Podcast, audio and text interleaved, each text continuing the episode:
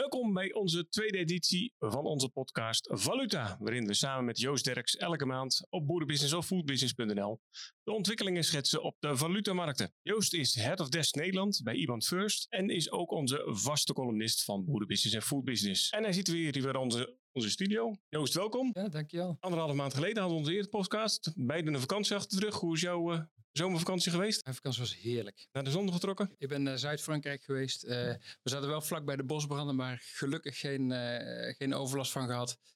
Prachtig weer gehad en nee, helemaal weer tot rust gekomen. En, en, ja, want hoe gaat een valuta-specialist op vakantie? Is dat nog smartphone bij de hand, laptop mee? Ik heb heel duidelijk afspraak met mijn vrouw gemaakt. En in het verleden ging er wel eens fout. En dan ging die bijna het zwembad in. maar uh, je hebt altijd de neiging om die markt te blijven volgen. En ik heb nu de afspraak gemaakt dat ik dat s'avonds even een uurtje mag doen. Weet je, mag ik mijn e-mails checken en dan mag ik even naar de markt kijken. En dan moet hij weer dicht. En, en, en dat gaat prima. En dat lukt ook echt? Of toch stiekem? Ik doe heel goed mijn best. het lukt niet altijd. Uh, ja, wat, wat is je opgevallen uh, in die anderhalve maand en ook in die periode dat je s'avonds uh, nog het nieuws mocht checken? Ja, er zijn een paar dingen opgevallen dat het echt wel ook echt zomerperiode is geweest. Dus je hebt geen grote uitslagen in de, in de gehad. Um, er zijn natuurlijk een aantal dingen voor de zomer gebeurd. Hè, met de FED en de ECB. Echt nog voor de vakantieperiode uh, dat die de rente verhoogd hebben. En dus dat is allemaal verwerkt nu door de markt. En dat er heel veel partijen ja, toch met vakantie zijn. Zie je dat in zo'n zomerperiode het eigenlijk wel relatief rustig uh, blijft. Uh, nu zijn we echt aan het eind van die vakantieperiode en ja, komt eigenlijk iedereen van je terug. Alle marktpartijen zijn dadelijk ook weer actief. En ik verwacht dat je nu weer wat meer uh, beweging op die markt ook gaat zien. Maar uh, moet de valutamarkt eigenlijk ook niet een trend mee? In Nederland hebben we natuurlijk de ene crisis naar de andere. De huizenmarkt, de toeslagenaffaire, asielopvang, stikstof. Valuta moet toch ook wel ergens een crisis hebben zitten? Of valt oh, dat ja. mee? Ja, meer dan, meer dan voldoende. Nee, kan, daar kan je ook een heel boek over volschrijven. Nee, er zijn natuurlijk veel uh, valuta's, met name de wat exotischere currencies. Hè. Kijk bijvoorbeeld naar Sri Lanka, hè, die in de betalingsdefault uh, zijn gegaan eerder dit jaar. er zijn meerdere landen, ontwikkelingslanden, die daar echt serieus problemen mee hebben, omdat die dollar zo sterk wordt. Veel landen hebben dus een dollar financiering aangetrokken. En als je dat dan moet terugbetalen, vanuit je eigen currency naar een dollar die steeds duurder wordt, ja, dan krijg je daar problemen mee met die betalings verplichtingen. En dat heeft ook zijn weerslag weer op die valuta. Maar als je kijkt naar de grote valuta's, uh, de euro en de dollar, dat is nu relatief rustig. Ik verwacht wel dat er uh, de komende tijd weer wat meer actie gaat komen. Omdat er, ah, wij hebben natuurlijk weer de centrale banken, de FED en de ECB in september, die met hun uh, beleidsvergaderingen komen. Iedereen weet dat de inflatie voorlopig nog niet, niet afremt of niet onder controle is. Dus die centrale banken die zullen ja, iets moeten blijven doen. Net als de overheden overigens. Bank of England is natuurlijk natuurlijk heeft al gewaarschuwd voor uh, de almaar verder oplopende inflatie in Engeland, die al boven de 10% zit. En waarschuwt ook voor een langdurige recessie. En uiteindelijk is een. Uh, is heel vervelend, maar recessie is wel zeg maar, het middel om die inflatie terug naar beneden te krijgen. Want je moet gewoon die vraag en aanbod weer bij elkaar krijgen. Dat is, uh... Want als je nu naar Nederland bekijkt, zeg maar, de inflatie was uh, in Q2 uh, 10,3 procent. Dus dat is gigantisch. Ja. aan de andere kant, de, de, de groei blijkt dan weer wel 2,6% te zijn, economische groei. En dan wordt er gezegd, joh, die recessie, dat, dat gaat wel meevallen. Vandaag kwamen er weer koopkrachtcijfers binnen. Die uitgaan van min 7% over heel dit jaar. Uh, allerlei tegenstrijdige signalen. Hoe, hoe, zie jij dat? Nou, kijk, het, um, feit is dat als die rente omhoog gaat, die, voordat hij echt zijn effect gaat hebben op de economie, dat duurt altijd even. Dat is niet meteen dat daarmee op uh, de vraag zeg maar, meteen inzakt. Wat je wel ziet is dat het vertrouwen van de consument langzaamaan gaat, eh, gaat afzwakken. Uh, maar we hebben natuurlijk ook twee coronajaren gehad waar niemand de deur uit kon. En ik denk dat we nog steeds een soort inhalen effect zien. Want, want je ziet met name dat de horeca hiervan geprofiteerd heeft. Hè? A, van het mooie weer, maar ook nog steeds dat inhaaleffect. En dat dat ook die economische cijfers heeft gestuurd. Um, uiteindelijk, ik verwacht dat de, de, centrale banken de rentes verder op zullen uh, schroeven om die inflatie maar onder controle te houden. Uh, ze zeggen ook van nou goed, we bekijken het per vergadering naar de cijfers hoe de, hoe de economie en de inflatie erbij ligt. Dus ze geven niet meer eigenlijk een, een, een, hele duidelijke richting aan de markt, maar ze echt op cijferniveau. Um, En uiteindelijk gaat dat ook wel zijn effect hebben. Dus uiteindelijk gaat de, de wal het schip keren. Maar wanneer en hoe heftig dat zou zijn, dat, ja, dat vind ik ook wel moeilijk inschatten. Ja. Je ziet wel dat um, de arbeidsmarkt is natuurlijk nog heel erg sterk, hè, heel erg goed.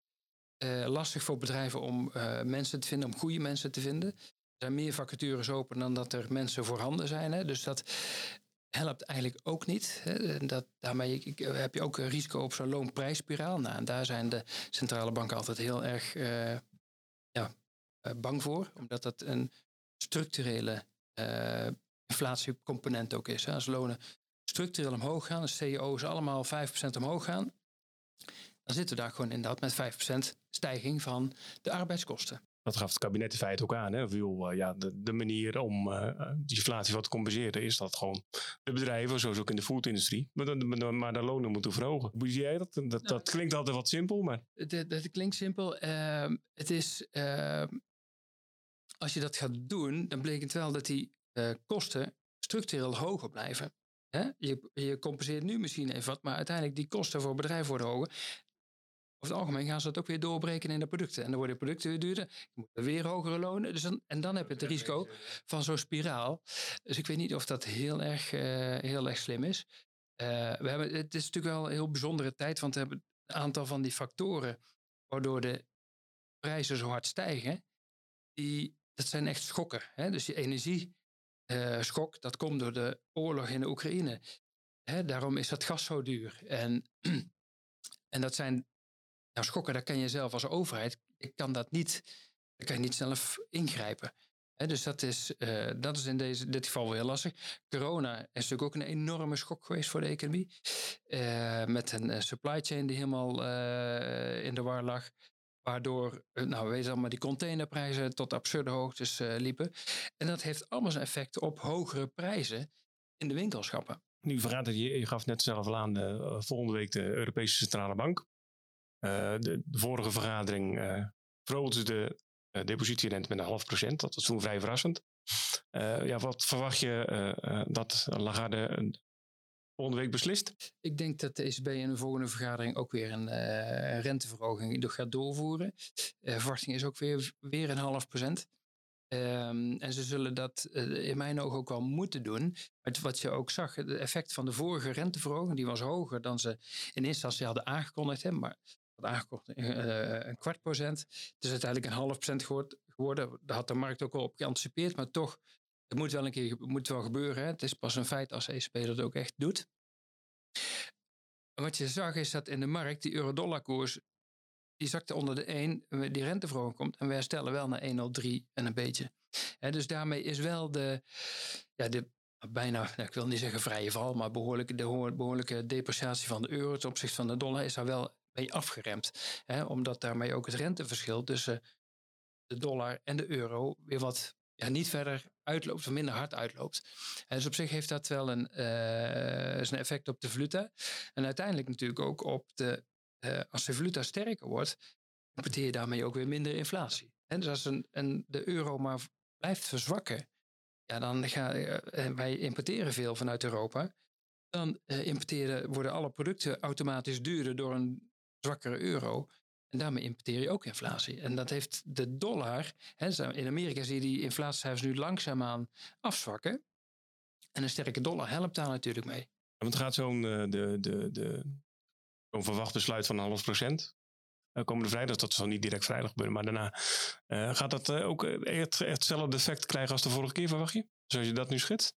Um, ja, ik denk het wel. Ik denk dat die, de, de val, eigenlijk de, daling van de, uh, van de euro daarmee wel weer wat, wat afgeremd wordt. Ik denk nog steeds dat hij wel verder zal dalen en de dollar uh, verder aantrekt.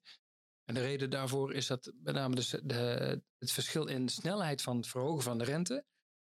Dat de Amerikanen daar toch wat agressiever in zullen zijn en blijven dan de ECB uh, dat doet. En dus het rentevoordeel blijft uitlopen in het voordeel van de, van de dollar. Uh, maar goed, als de rente, als de ECB ook weer met een halfje verhoogt, ja, remmen ze dat renteverschil eigenlijk een klein beetje af. Maar het blijft, het blijft oplopen. Klinkt nu bijna zoals je het als een competitie tussen de twee centrale banken. Nou, ik, ik denk niet dat, ze de, dat zij echt in competitie zijn, maar ze zijn allebei willen ze die inflatie zo goed mogelijk onder controle krijgen. Ehm, en ook de, economieën zijn natuurlijk compleet anders. Hè? De Amerikaanse economie is eigenlijk veel flexibeler dan die van Europa. En je ziet ook dat de centrale bank in Amerika altijd veel sneller en agressiever ingrijpt dan de ECB. ECB is altijd wat, wat terughoudender, wat afwachtender. Um, en het is eigenlijk al, in de geschiedenis bijna altijd zo geweest dat de Fed als eerste acteert, dan pas de andere centrale banken volgen. Is altijd nog leidend wat dat betreft, ja. Nu werden we altijd als we de, de, de, de rente, die ECB-rente, de positierente, uh, heel snel gaan verhogen, dat, dat gaat tot grotere problemen leiden met de schuldenlast in Zuid-Europa. daar hoor je nu eigenlijk weinig van, ook door al die, die, dat inflatiegeweld, zeg maar. Um, maar is dat nog wel een, een, een sluimerend probleem, om het maar zo te schetsen? Dat, dat, dat blijft altijd een zorg. Uh, wat je nu ziet, en dat is heel uh, typerend, het noorden heeft het eigenlijk wat, wat moeilijker met de economische groei. Ja, Nederland doet het dan uh, nog heel aardig, maar Duitsland, daar begint het echt wel een beetje te piepen en te kraken. Terwijl Zuid-Europa nu in de zomermaanden, ook geholpen door het toerisme, het eigenlijk beter doet dan verwacht. Een boost heeft gehad, hè? Ja, hè, dus die profiteren daar nu weer van. Um, de ECB heeft natuurlijk ook aangekondigd dat zij uh, met, een, uh, met haar nieuwe instrument uh, die lange rentes voor het zuiden met name wat proberen te, uh, te drukken door heel specifiek in te grijpen in die markt. Dus meer obligaties uit Europa of uit Italië en Spanje, et cetera, op te kopen en wat minder uit Duitsland en Nederland. Om zo die renteverschillen weer wat, wat dichter bij elkaar te brengen. Je zeker net ook even het beleid van de centrale bank inderdaad. je gaat aan de vet zitten wat agressiever in dan, dan de ECB. Nu, nu valt wel op, de Bank of England zit er sinds kort. Die zat er altijd al tussen. Maar nu uh, na de brexit uh, wordt het natuurlijk ook even wat, wat, anders beoordeeld. Die is mogelijk nog agressiever bezig dan, uh, dan de Fed. Um, eigenlijk hebben ze alle drie een andere strategie. Ja. ja, waar is dat op gebaseerd? Want fundamenteel zijn alle economische bespiegelingen toch gelijk? Ja, maar niet de economische, waar, waar, je in de economische conjunctuur zit, zeg maar. En de economische groei is niet gelijk. En um, als je even naar Engeland kijkt, de Centrale Bank van Engeland was natuurlijk de eerste grote centrale bank die de rente ging verhogen. Um, en de Engelse economie is natuurlijk, uh, zeker na de Brexit, zit gewoon in een andere, andere fase dan de Europese of de Amerikaanse economie. Engeland heeft veel eerder last gehad van de problemen die wij nu ook zien, hè, met, met tekort aan mensen. Ze hebben dat al twee jaar terug gehad, toen dat Brexit een feit werd. En uh, de hele uh, stammen uh, buitenlanders die daar werkten, uit lage lonenlanden, ver moesten vertrekken. En dus we, weten ook nog met die vrachtwagenchauffeurs dat er gewoon geen chauffeurs waren om op de, de truckers te rijden daar. Nou, dat probleem hebben zij daar natuurlijk al veel eerder gehad dan wij zitten daar nu pas mee. Dus centrale bank in Engeland moest ook eerder aan de knoppen gaan draaien om die inflatie en die loonprijsspiraal weer een halt toe te roepen. Helder. Uh, nu uh, gaan we net al aan, bijvoorbeeld de, de foodindustrie. een van onze doelgroepen. ja, die hebben te komen met hoge grondstofprijzen, hoge energieprijzen, hoge logistieke kosten. Dus die hebben eigenlijk hele tijd portie. krijgen ze wel voor de kiezen. ja, hoe ja, zien jullie dat vanuit de, de valutahandel, vanuit valutatransacties? Is dat dan ook goed te merken? Zie je dat soort ontwikkelingen ook terug? Ja, je ziet uh, sectorgewijs zie ik dat heel specifiek zien af en toe. We hebben natuurlijk met de brexit toen met, met de seateelt gehad, bloemen seateelt. Directe uitval met de export naar Engeland. Ze kwamen gewoon geen ponden meer binnen. Bloemen zijn door de scherder gehaald. Dat is heel, heel typerend.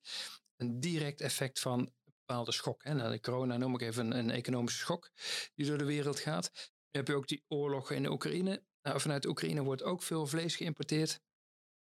Nou, dat tilt in één keer op. dus ook daar merk je of zie je dat bepaalde sectoren die, ja, als zo'n sector geraakt wordt door een ontwikkeling waar je helemaal niks aan kan doen, zelfs echt een externe schok, ja, daar word je, daar word je als sector direct door geraakt. Dat, dat zien we wel. Ja. En is dat iets waar je vanuit de, de, de je valuta-expertise ook nog in, in kan helpen of assisteren? Of eh, is dat iets gewoon wat je constateert? Ja. Dat is meer eh, inderdaad echt constatering. Maar ik kan moeilijk zeggen, joh, luister, uh, schijnende situatie voor jullie. We maken voor jullie dollar goedkoop. Ja, dat gaat niet, weet je wel. Dus dat, dus dat is wel iets waar je ja, als ondernemer heel of je krachtig moet kunnen zijn. En ja, ook je organisatie proberen zo goed mogelijk op af te stemmen. Om al die risico's goed te spreiden. En uh, ja, ook voldoende buffers op te bouwen. Dat je het ook op kan vangen. En ja, met dit soort dingen, daar kan je gewoon niet. Uh, uh, daar, daar, kan je niet direct iets aan doen. Nee. Laten we even wat valuta's erbij pakken. De, we hebben net al even genoemd, euro-dollar. Dus de fans van pariteit die kwamen maar één klein momentje op de 14 juli aan hun trekken. Ja. Daarna is het, zoals je gezet hebt, weer wat omhoog gegaan. Wat, wat is jouw verwachting voor de komende periode? Nou, ik denk dat we binnenkort weer uh, op pariteit staan en eronder. Eronder zelfs, ja. Ik denk dat de dollar langzaamaan sterker wordt uh, ten opzichte van de euro. Of met name de euro dan uh, zwakker. Um, de reden daarvoor is, wat ik net al zei, ook het uit elkaar lopen toch van die renteverschillen tussen de dollar en de, en de euro.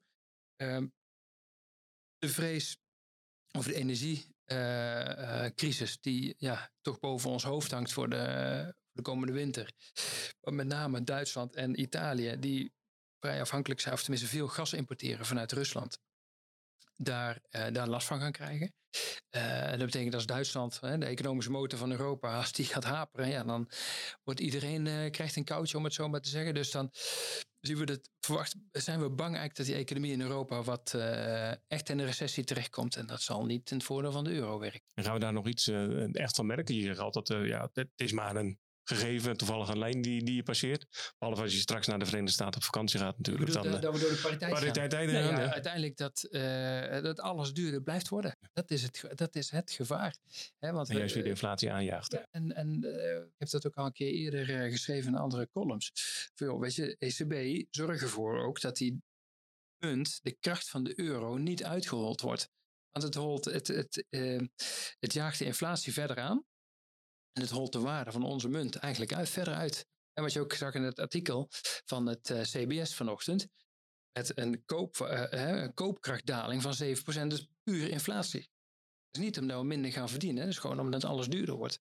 En dus ook als de, de euro zwakker wordt, ja, dan werkt dat inflatie weer in de hand. Dus zo roepen als compensatie, wat er nu wordt gezegd door het kabinet. Ja, dat is eigenlijk maar een doekje voor het bloed als ik zo. Nee, zo daar kan je ook niet aan beginnen. Daar kan je niet aan beginnen ik. Nee, het is uiteindelijk is het gewoon weer de zaak op orde krijgen. Zorgen dat de supply chain weer goed is.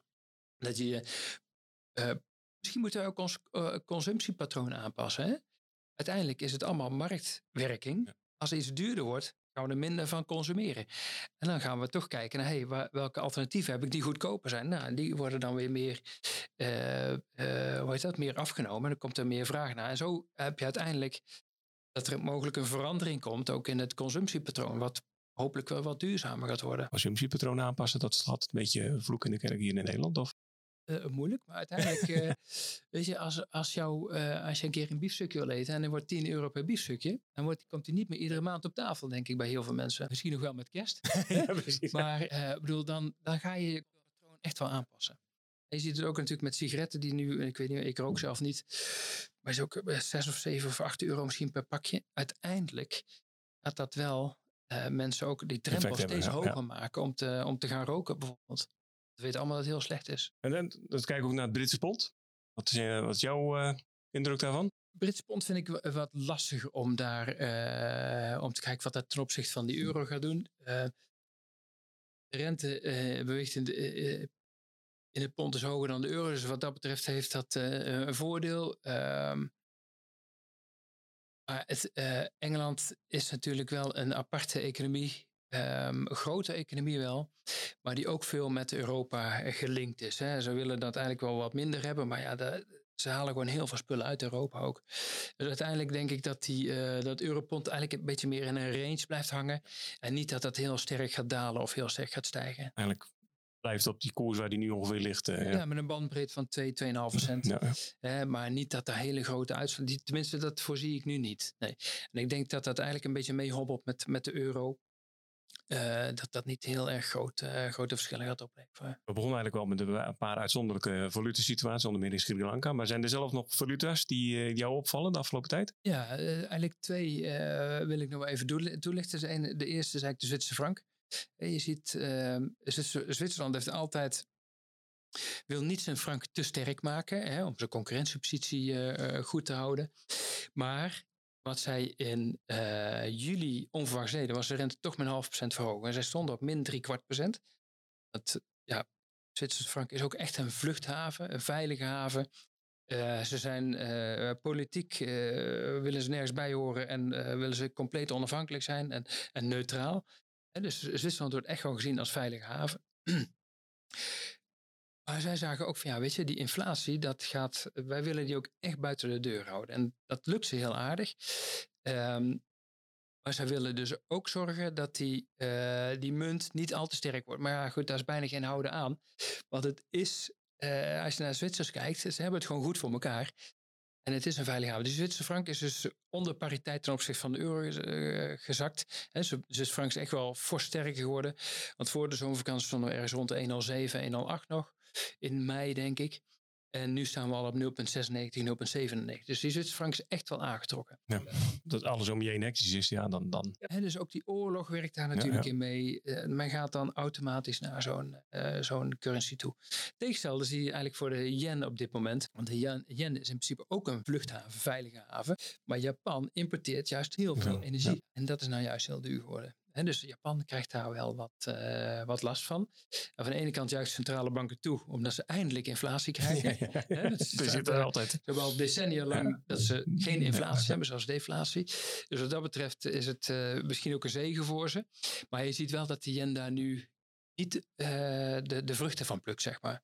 Dus yen staat voor onder druk. Ja. Andere valuta die ik nog even kort wil toelichten is de, de Noorse kroon. We weten allemaal dat Noorwegen natuurlijk enorme olie- en gasvoorraden heeft.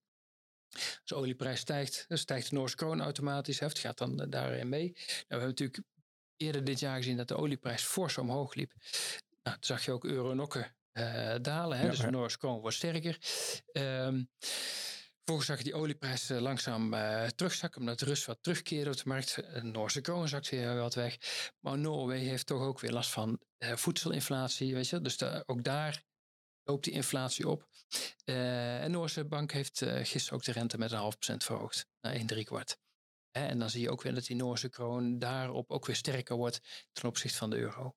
Ik heb in uh, ons gesprekken nog een heleboel inflatie, een heleboel rente en, en, nog een heleboel bedreigingen gehoord. Zijn er nou nog echt lichtpuntjes waar we even mee kunnen afsluiten? Ehm, nou, wat ik, wat ik opvallend vind is dat de financiële markten blijkbaar ehm, voor risico's inprijzen op dit moment.